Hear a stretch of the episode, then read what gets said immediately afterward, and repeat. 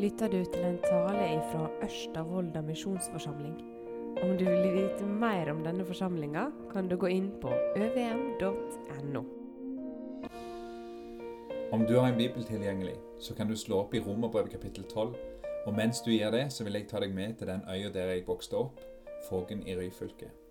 Jeg står på sida av fotballbanen på Fågen, som har ei veldig fin gressmatte. Og der ser jeg Fågen A-lag, som spiller i en ikke nevnt divisjon i Norge. Da ser jeg en midtbanespiller som helt mot slutten av kampen får ballen rett i beina. Fra broren hans, som står ved sida av meg, så hører jeg 'ofre deg' idet denne midtbanespilleren gjør alt han kan for å kjempe seg mot motstanderens mål.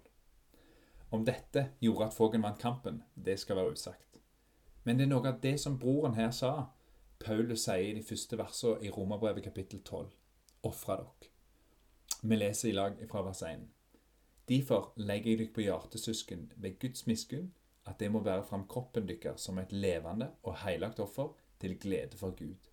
Det skal være deres åndelige gudstjeneste.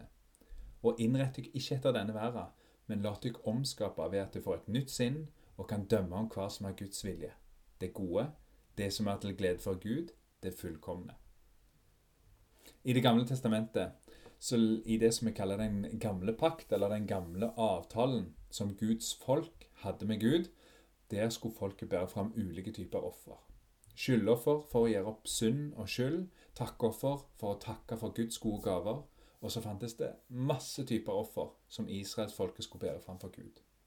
Nå, i den nye pakt, den nye avtalen mellom Gud og hans folk, så er det ikke denne typen ofringer lenger olje og værlam og mjøl og okser eller duer. Sånt ofrer vi ikke lenger. Det var bare ett sånn et offer, og det var Jesus Kristus som døde på korset for oss. Der ga han seg sjøl for oss. Han ble ofra.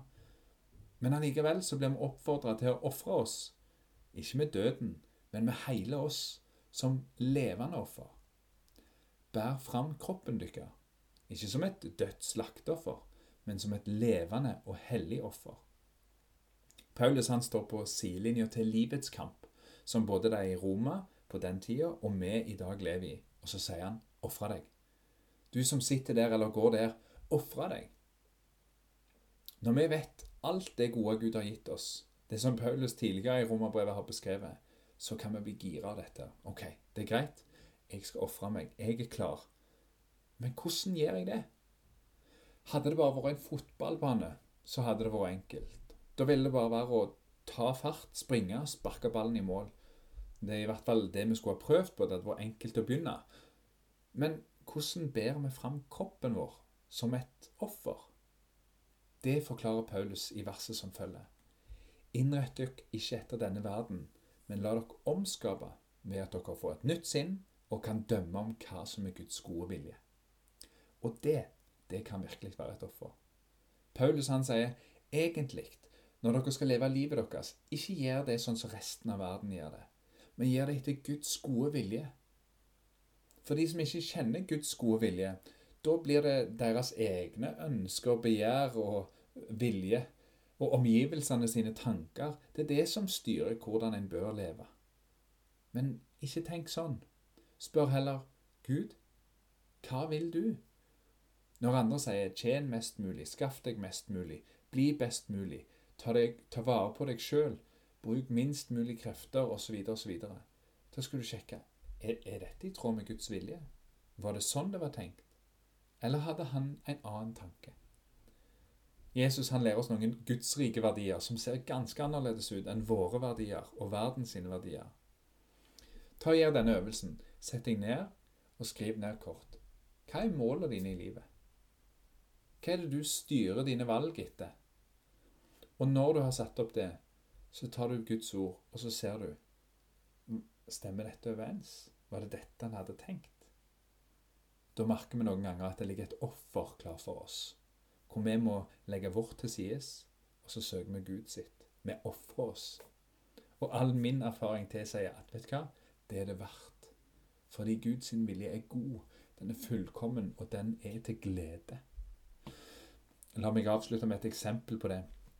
Når israelsfolket skulle bli utfridd fra Egypt, da ble farao og Egypt advart om hva som kom til å skje om israelsfolket ikke fikk dra. Den ene gangen så var det snakk om et fryktelig haglvær.